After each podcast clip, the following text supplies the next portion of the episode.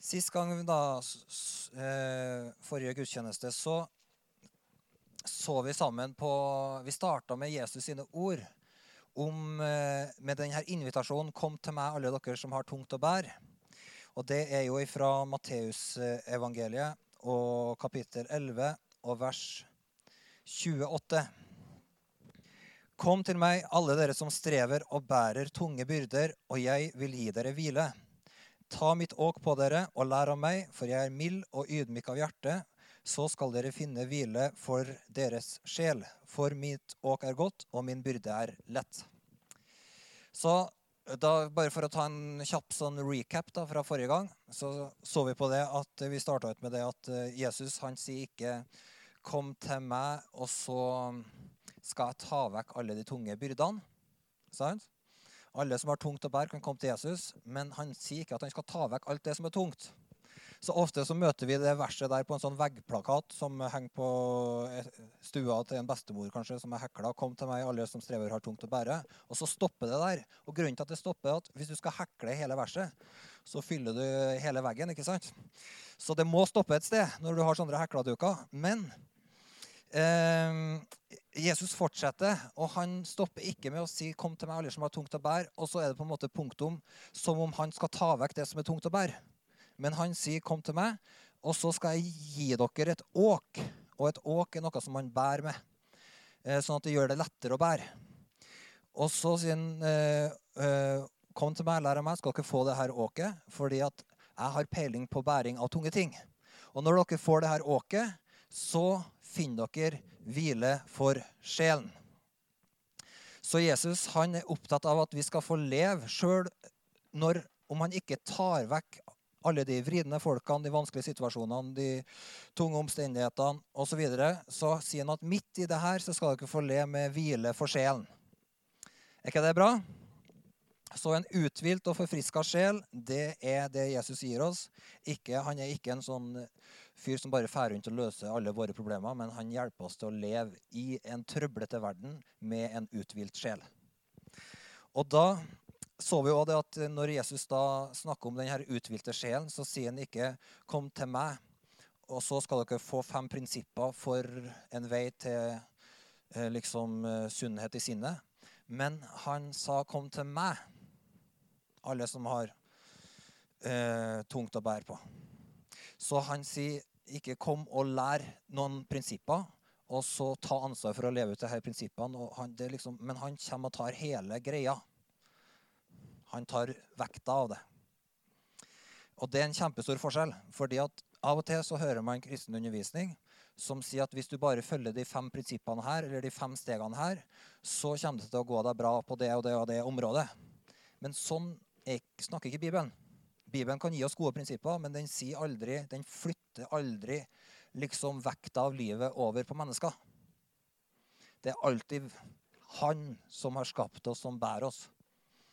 Det, så derfor, Gud har mange gode ting han ønsker å lære oss, men det viktigste vi lærer, det er hele tida 'Kom til meg, kom til meg, kom til meg'. Eh, Jesus er løsningen. Og så gikk vi derfra, og så var vi da inne og så i bergpreken på håndtering av konfliktfylte relasjoner. Så de som ikke var der, kan høre det på opptaket fra forrige gang. Og så i dag så tenkte jeg at vi skulle fortsette å jobbe da i bergpreken. Eh, og se mer på noen av de tingene Jesus eh, nevner der. Og Det som er fascinerende da med denne talen til Jesus i bergpreken, som da er i Matteus kapittel 5, 6 og 7, så er det det at eh, veldig mye av det Jesus berører i den undervisninga si der, det er ting som handler om følelseslivet vårt. Hvordan har vi det i det indre mennesket? Så han snakker både om konfliktfylte relasjoner, han snakker om bekymring og og liksom frykt. Han snakker om press fra mennesker og omgivelser. Han, ja, så han er innom flere sider ved på en måte det som går på På en måte da handler veldig mye om hvordan har vi det i sjelen. Tenk på det. At vi, Jesus har omsorg for sjelen vår, det syns jeg er helt fantastisk. Så i dag så har jeg tenkt at vi skal se litt mer sånn eh, I Forrige gang jobba vi bare med de her relasjonene. Og nå har jeg tenkt vi skal se litt mer på ulike sider som Jesus peker på, som berører mer av det her med hvile for sjelen. da. Høres det greit ut? Så hvis vi går til Matteus evangeliet igjen, da, og da eh, kan dere få gå inn i kapittel 6. Eller vi kan gå til slutten av kapittel 7 først. For der forteller nemlig Jesus en, Han avslutter da bergpreken med en, en veldig kjent, kjent, lignelse. Og da sier han i, vers, i kapittel 7 og vers 24 så sier han Vær den som hører disse mine ord og gjør det de sier, ligner en klok mann som bygde huset sitt på fjell. Regnet styrtet, elvene flommet, og vindene blåste og slo mot huset, men det falt ikke, for det var bygd på fjell. Og hver den som hører disse mine ord og ikke gjør det de sier, ligner en uforstandig mann som bygde huset sitt på sand. Regnet styrtet, elvene flommet, og vindene blåste og slo mot huset. Da falt det, og fallet var stort. Da Jesus hadde fullført denne talen, var folket slått av undring over hans lære, for han lærte dem i myndighet, og ikke som deres skriftlærde. Så her avslutter da Jesus denne verdensberømte talen sin med å si at hver den som hører disse mine ord og gjør det de sier, er lik en klok mann som bygde huset sitt på fjell. Så han sier at denne talen da, det er veldig ofte vet du, så er taler på en måte det er litt sånn mentalsnadder. Du sitter, det taler noe som du kan tenke på. eller Her var det en fin vending. Eller det her var litt lyrisk sagt. Men Jesus han avslutter talen sin og understreker at de her ordene det er ord med myndighet. Og det er ord som har til hensikt å sette i gang en prosess i livet vårt som ikke på en måte handler om at vi skal høre å, det var en fin tale, tenk på det og gå videre. Men han sier det må sette i gang en prosess som gjør at vi begynner å bygge i henhold til det Jesus sier. Så han sammenligner da den prosessen av at vi tar imot ordene i denne talen, med et sånt byggearbeid der det er et hus som blir bygd. Og det er klart at det å bygge et hus altså sier han at den som Eh, på en måte, Han som tar imot ordene mine da, og gjør det de sier, han setter i gang denne litt langsomme prosessen med å bygge huset sitt sterkt. Så vi er sånne hus under konstruksjon. Og Jesus sier, ta deg tida til å bygge på en sånn måte at huset blir sterkt. Ta deg tida til å jobbe med ordet mitt. Ikke bare hør det og la det passere, men ta imot det, la det arbeide i livet. Lev det ut, handle på det. Og når du gjør det, så kommer ikke det bare til å skje i et øyeblikk, men det er som en sånn byggeprosess der du begynner å jobbe med et fundament, og det tar tid. Og du merker at det berører noe dypt i livet ditt, så du trenger liksom Det er ikke sånn lettvinte prosesser. Du må liksom ned på fjell. Og så får du det her solide fundamentet da, etter hvert, når du lar Jesu ord komme til deg og utfordre deg. Skap tro, beveg deg. Skap ny måte å tenke på, ny måte å leve på. Så skaper det over tid så skaper det en robusthet og en styrke som gjør Igjen, da. Jesus tar ikke stormen, han tar ikke vekk flommen, men han gjør oss robust, sånn at når stormen kommer og flommen kommer, så står det. Kjenner dere igjen Jesus ifra 'Kom til meg, alle som har tungt å bære'? Han sier ikke at han tar ikke vekk byrden, men han hjelper oss å leve med hvile i sjelen. Så det her huset bygd på fjell da, det forteller oss at Jesus han har faktisk for oss at vi skal erfare at det er en robusthet i livet som gjør at utfordringer ikke knekker deg. Altså, jeg er ikke her for å si liksom at, at det, liksom, hvis du har knekt under en utfordring, så, liksom, så så er det liksom som Jesus eh, føler at han har mislyktes. eller noe sånt. Ikke hør meg der, men det er tydelig at Jesus ønsker at han ønsker å bygge inn en robusthet i livet ditt og i livet mitt. Og det berører da de her tingene som han Eller den robustheten kommer gjennom at vi tar tak i de tingene som vi finner i bergpreken, og lever det ut. selvfølgelig alle Jesu ord, men Jesus plasserer den lignelsen her i slutten av bergpreken, så det betyr at den har særlig relevans for det som vi leser der. Så Vi skal komme tilbake til den lignelsen, for den ligger liksom på slutten der og justerer oss hele veien. Men eh, i kapittel 6 så begynner Jesus med en undervisning som berører mange områder av egentlig det kristne grunnleggende disipliner i det kristne livet. Så han sier i vers 1 så sier han Pass dere for å gjøre gode gjerninger for øynene på folk, for å bli sett av dem. Da får dere ingen lønn hos deres far i himmelen. Når du gir en gave til de fattige, skal du ikke utpasjonere det, slik hyklerne gjør i synagogene og på gatene, for å bli æret av mennesker. Sannelig, jeg sier dere, de har alt fått sin lønn. Når du gir en slik gave, skal, du, skal ikke den venstre hånda vite hva den høyre gjør, for at, eh, for at det kan være en gave i det skjulte, og din far som ser i det skjulte, skal lønne deg. ikke det bra? Altså, jeg syns Jesus er fantastisk når han underviser. Jeg bare ser for meg denne personen som holder på å gi en gave, og som er så opptatt av at folk ikke skal vite at han gir denne gaven, at han liksom Han sier her at sannelig, jeg sier dere når du gir en sånn gave, skal ikke den venstre hånda vite hva den høyre gjør. så det er akkurat litt sånn at uh, høyrehånda er litt sånn, og du kikker rundt og ser at ingen ser på, liksom, og så sniker du hånda bak i lomma. og så, Du kan liksom ikke ta fram pengene og telle dem, for da ser jo alle at du holder på å gi penger. Er Ser ikke dere det samme når du leser det?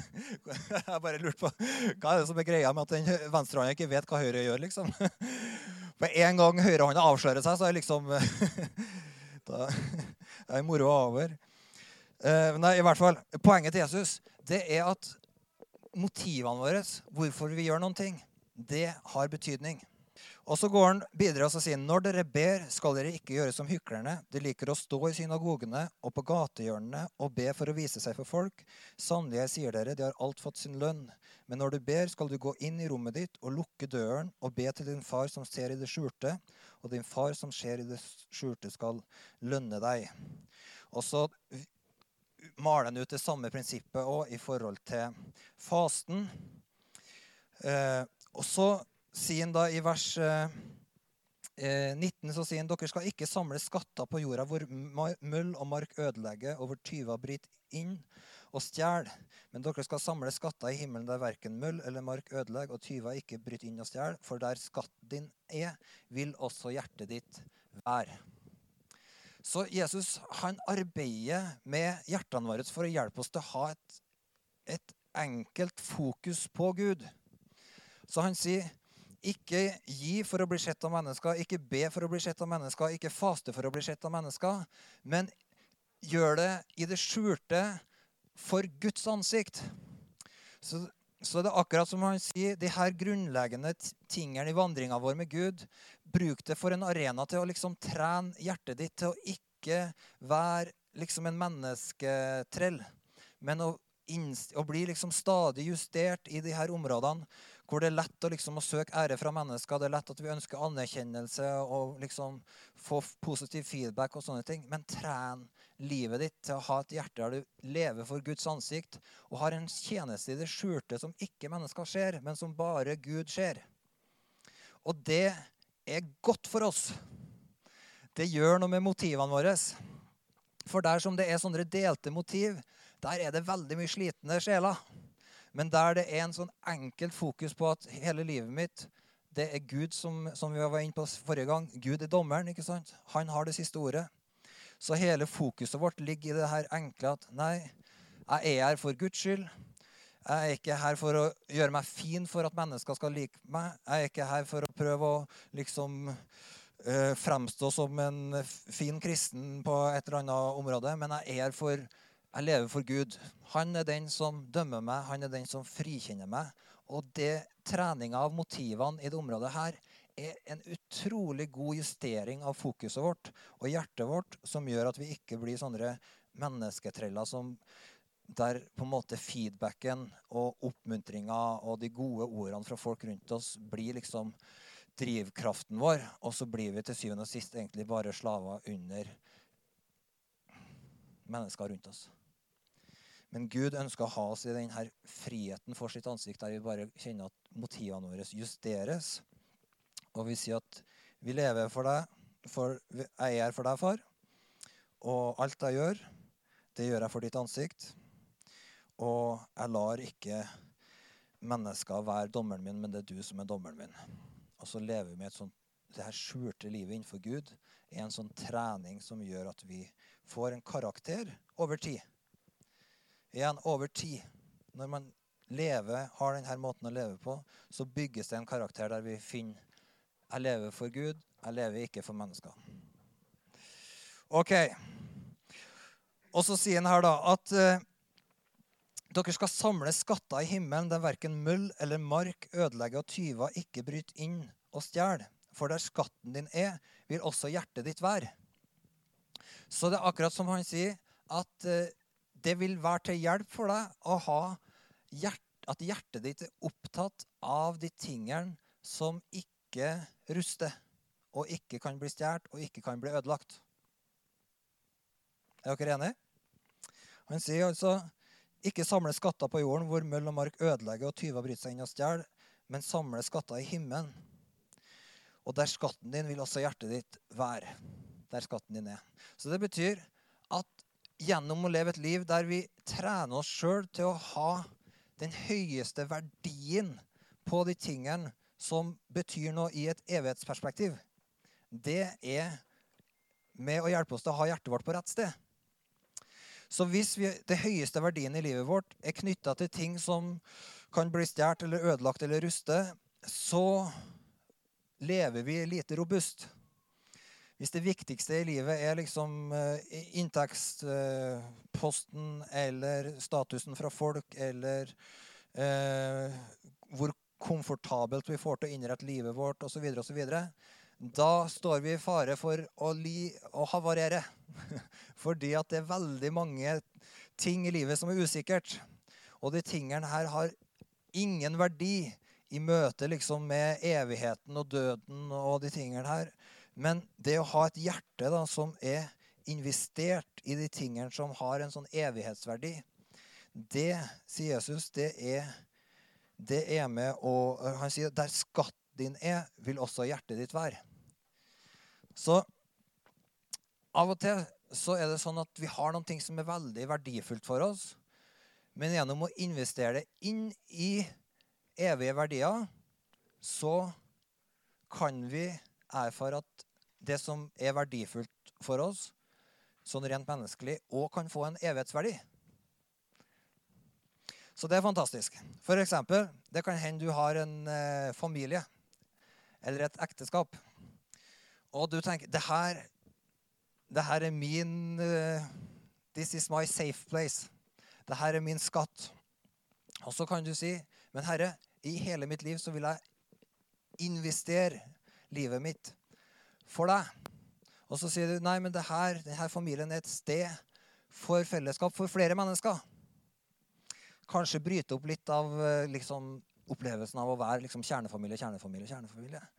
Men så oppdager du at når du åpner opp da, denne kjernefamilien for nye folk, eller folk som trenger fellesskap, eller folk som kommer til landet, eller osv., så, så, videre, så plutselig så oppdager du nei, du tar det som er dyrebart, og så investerer du det inn i Guds rike på en sånn måte at det som kunne ha vært en sånn egoistisk livsstil i sin egen boble, blir gjort til en evighetsverdi der livene våre, hverdagen, høytidene, alt sammen har en betydning for evangeliet like inn i evigheten.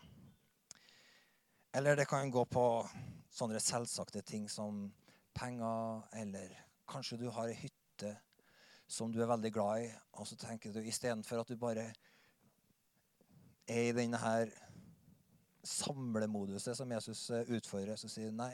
Det her kan være en arena for å skape noen ting for Guds rike, for å skape fellesskap, for å gi folk en pause i hverdagen sin. Vi lever på en sånn måte at vi tar skatten vår og investerer det inn i det himmelske, og så får vi på en måte en evig skatt hos Gud i det. Så og i møte med de her eh, ulike tingene i livet og trene oss på å si La motivet mitt hele tida være å leve for Gud. Det er med og gir oss en hvile i det indre mennesket som gjør at vi ikke blir dradd etter både etter å leve i en sånn materialistisk runddans eller å være eh, slave av mennesker, men at vi kjenner en frihet, at vi lever for Guds ansikt. Og så går Jesus videre, og her har vi jo i kapittel 6 og det som går på eh, bekymring for morgendagen og sånn, der eh, har vi vært innom jevnlig her i den siste tida. Men, eh, men det er jo fantastisk da at Jesus sier i vers 27.: Hvem av dere kan vel med all sin bekymring legge en eneste alen til sin livslengde? Det er egentlig kanskje de mest eh, hva skal jeg si de, de skumleste versene i hele Bibelen. Hvem kan med all sin bekymring legge en eneste alen til sin livslengde? Jeg må si det er Bibelen sitt skumleste vers. Fordi hvis du lar det synke inn, og hvis Jesus har rett i at samme hvor mye du bekymrer deg, så kan du ikke legge en alen til livslengden din, så blir du livredd. For det betyr at du har ikke styring på noen ting. Du har ikke styring på morgendagen. Du vet ikke om du lever i morgen. Og det som er enda verre, du vet ikke om de folkene du er glad i, lever i morgen. Det er et forferdelig vers. Det er sånn du sier til Jesus Vær stille! Ikke si det! Det plager meg! Fordi at det etterlater oss i en sånn enorm hjelpeløshet. Og hvis vi lar det her synke inn, så vet vi at nei, ikke med all min bekymring. Jo, jo, men jeg har bekymra meg litt. Så jeg har orden på det, jeg har orden på det, jeg har orden på det, jeg har orden på det. Så framtida mi ser ganske sikker ut. Og så kommer Jesus og sier, 'Den er ikke det'. Du får ikke lagt en alen til livslengden din. Og hvis du lar det synke inn, så blir du skikkelig nervøs. Kjempenervøs. Og så Og der tror jeg at vi trenger å stå der av og til. For å finne friheten hos Gud så trenger vi å se det i hvitøyet og innse det. At vi har ikke kraft til å forlenge livet. Og vi har ikke kraft og styrke til å sikre våre nærmeste og dem vi er glad i. Du kan ikke det. Jesus sier det ikke går. Og som jeg har sagt før, Dette er ikke en preken mot å bygge seg et solid hus eller investere i forsikringer. eller sånne ting. Men dette er et ord om at vi trenger å se i hvitøyet at vi ikke har makt til å forlenge livet. Og når vi innser det, så innser vi at enten så kan vi gå under i frykt, eller så kan vi begynne å leve i takknemlighet til Gud. Og så sier vi, 'Herre, takk for at jeg sto opp i morges.' Takk for at jeg kunne fylle lungene med luft og puste fritt. Takk for at når vi satte oss til frokostbordet, så var alle jeg var glad i, var rundt bordet. Takk for at jeg kunne se meg i speilet, og begge øynene er der fortsatt. Og så tenker du, takk Gud og så begynner du takk for at de er glad i at jeg har hatt dem helt til denne dagen. Takk at du har berika livet mitt med så mange fine folk. Takk, takk, takk, takk. Og i denne takken så gir vi samtidig å slipp på eierskapet. Og når vi gir slipp på eierskapet, så må vi òg gi slipp på frykten. For det eneste stedet vi kan gå da, med all denne frykten for å miste alt, det er å gå til Gud. Og så sier han da Hvorfor er dere bekymra for klærne? Se på liljene på marken, hvordan de vokser. De strever ikke og spinner ikke, men jeg sier dere selv ikke Salomo all sin prakt var kledd som en av dem. Og så sier han da at eh, Gjør dere ingen bekymringer, og si ikke Hva skal vi spise, eller hva skal vi drikke, hva skal vi kle oss med? Alt det her er hedningene opptatt av.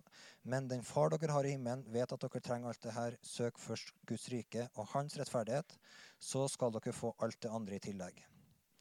Så ikke bekymre dere for morgendagen. Morgendagen skal bekymre seg for seg selv. Hver dag har nok med sin egen plage.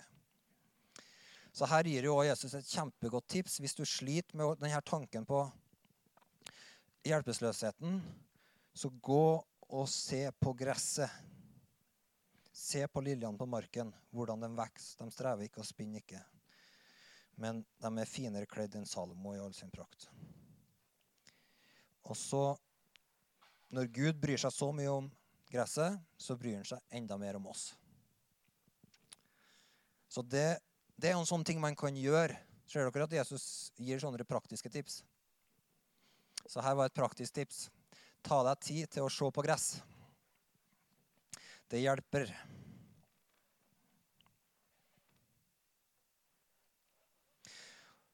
Og så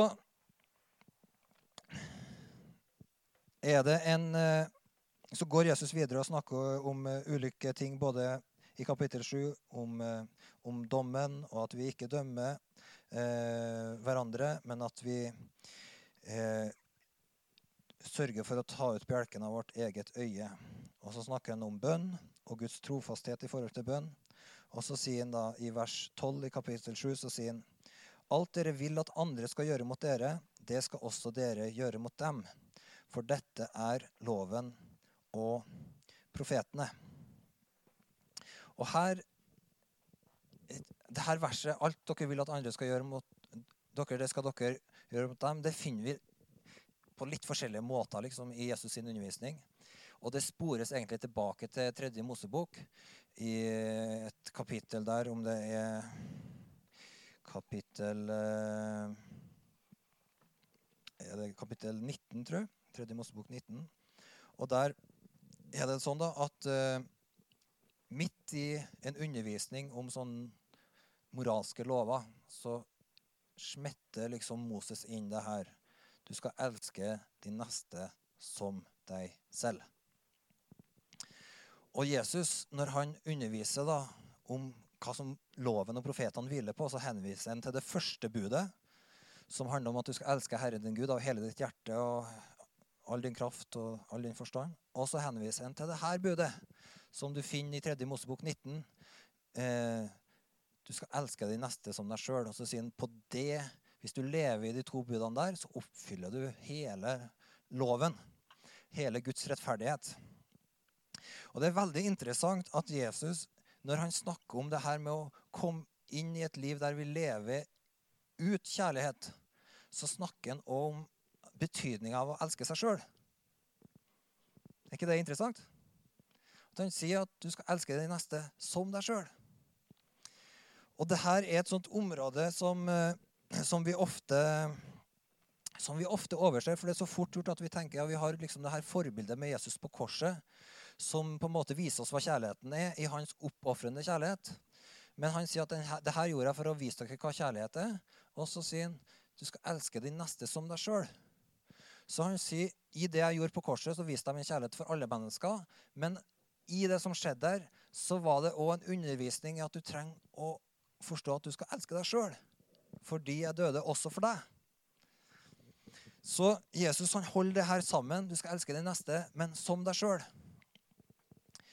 Og, og, og, når han da f.eks. utfordrer oss på det området, så, så, er det sånne ting som ikke er sant. Jesus sier, han kommer til oss, og så sier han, 'Jeg har tilgitt deg'. Og så sier vi, ja, Tusen takk, Jesus. Men så Av og til så glemmer vi at Jesus har sagt nei, du, skal, du må elske deg sjøl. Jeg har elska deg. Elsk deg sjøl. Så det er som vi sier. Jesus kommer til oss og sier du kommer til han og sier 'jeg har synda, jeg har gjort urett'. Eller du bare skammer deg over noe som har skjedd. Eller du har en historie i fortida om et eller annet som du har gjort som plager deg. Og Så møter du Jesus, og så kommer du til han, og så møter du hans ord om tilgivelse. Så han sier 'jeg tilgir deg'. Men så blir du aldri ferdig med det, fordi at når Jesus sier 'jeg tilgir deg', så ligger det i det samme at ja, jeg tilgir deg, men tilgi deg sjøl. Så når Jesus bringer inn den der seg selv-elementet i ting, så er det ofte mest, noe av den mest utfordrende sida for oss. fordi at en ting er at vi kan på en måte vite at ja, Gud har tilgitt meg, eller at mennesker har tilgitt meg. Men for å bli fri så trenger vi å ta imot tilgivelse og tilgi oss sjøl. Og vite at nei, men, ja, men du går og straffer deg sjøl for det som har skjedd. Jesus har tilgitt deg. Tilgi deg sjøl. Så du kan få lagt det bak. Så denne gylne regelen for Jesus den berører et så enkelt område som at hvis vi går rundt med bagasje, ting i fortida vår, ting som du har gjort, ting du angrer på, ting du skammer deg over, og så har du kommet til Jesus og bøyd kne for han, og han har rensa deg for all synd. Men så fortsatt så henger disse tingene ved deg. Så er det en tid for å ta imot det her sida av elsk de neste som deg sjøl og si nei, men Jesus, jeg kjenner det tid for å tilgi meg sjøl. For du har tilgitt meg. Jeg tilgir meg sjøl. Jeg, jeg gir slipp. Jeg lar det gå. Det har ikke plass lenger. Jeg er fri. Jeg er ferdig med det. Jeg tilgir meg sjøl.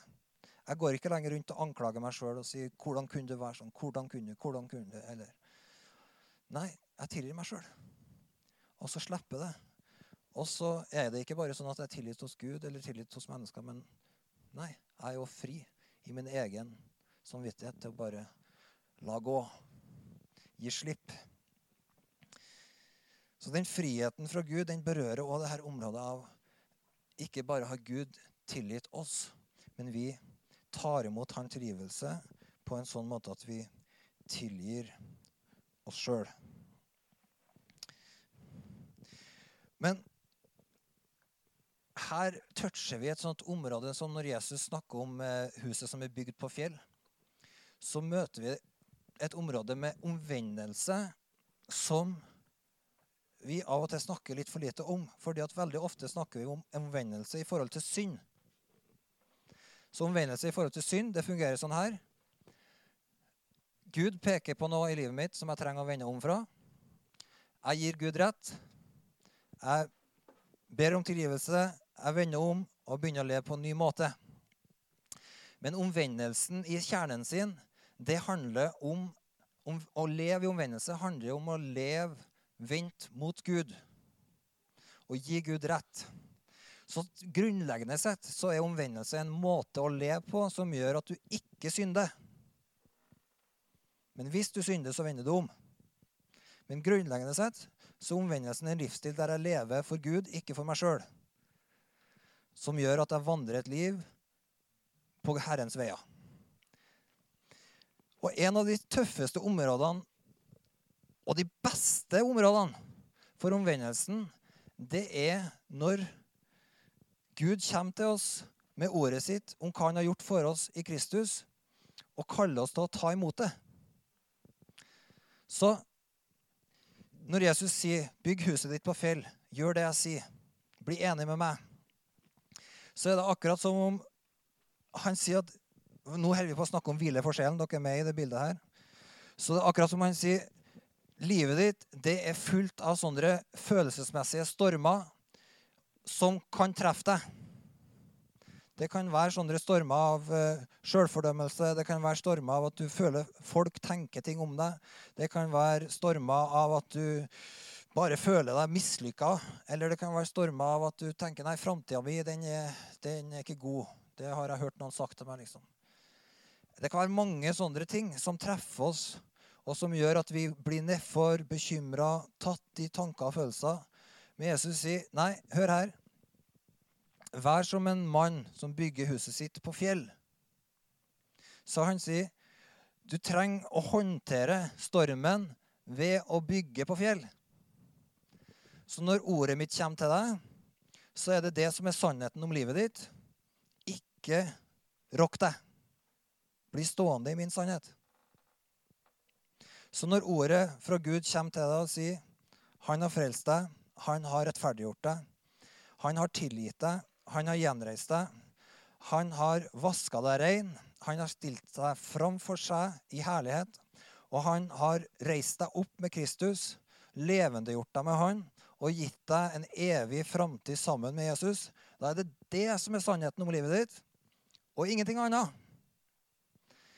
Og så står du på den sannheten, og så vil du oppleve at i perioder av livet ditt så varsler Akkurat som om følelsene sier andre ting. Følelsene i livet ditt sier 'nei, jeg strekker ikke til'. Jeg er, eh, jeg er dårlig sånn.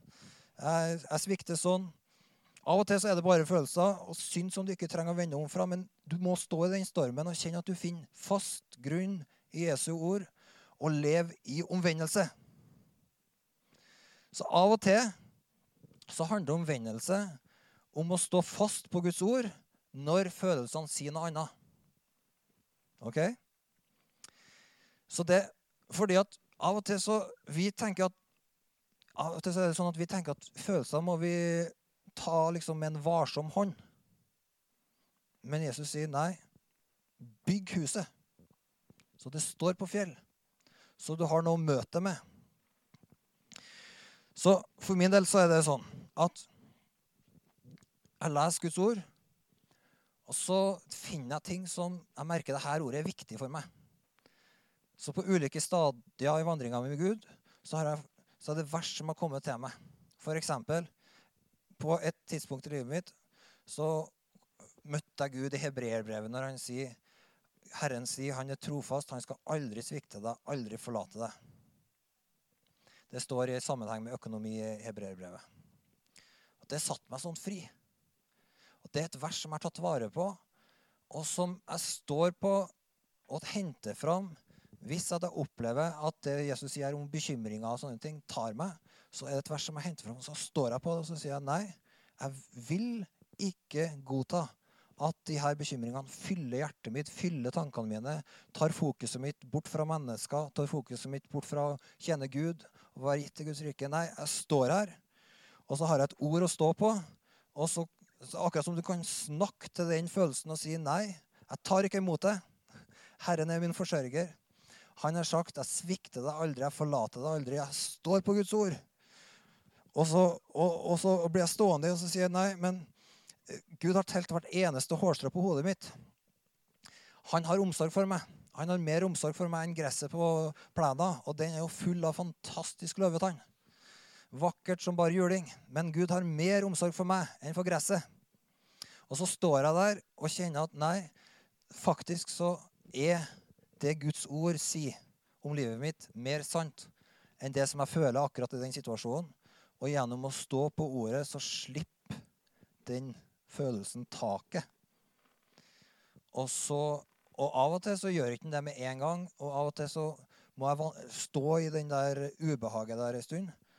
Men så finner du at nei, men du får en erfaring av at nei, du kommer tilbake til Guds trofasthet, du kommer tilbake til Guds ord og til Guds løfter, til Guds sannhet. Og det er det samme når, har, når Gud har tilgitt deg, og du har sagt ja, jeg velger å tilgi meg sjøl.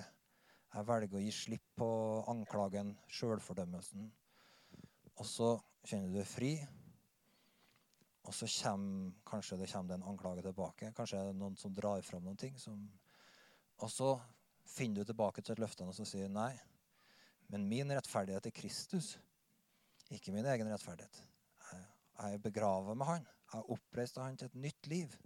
Jeg lever ikke lenger sjøl. Kristus lever i meg. Og istedenfor at dagen blir ødelagt gjennom at en eller annen kommer trekkende med noe gammelt greie eller anklager meg for noe. Så nei, jeg lar ikke den, det ordet, jeg lar ikke den følelsen ta styringa.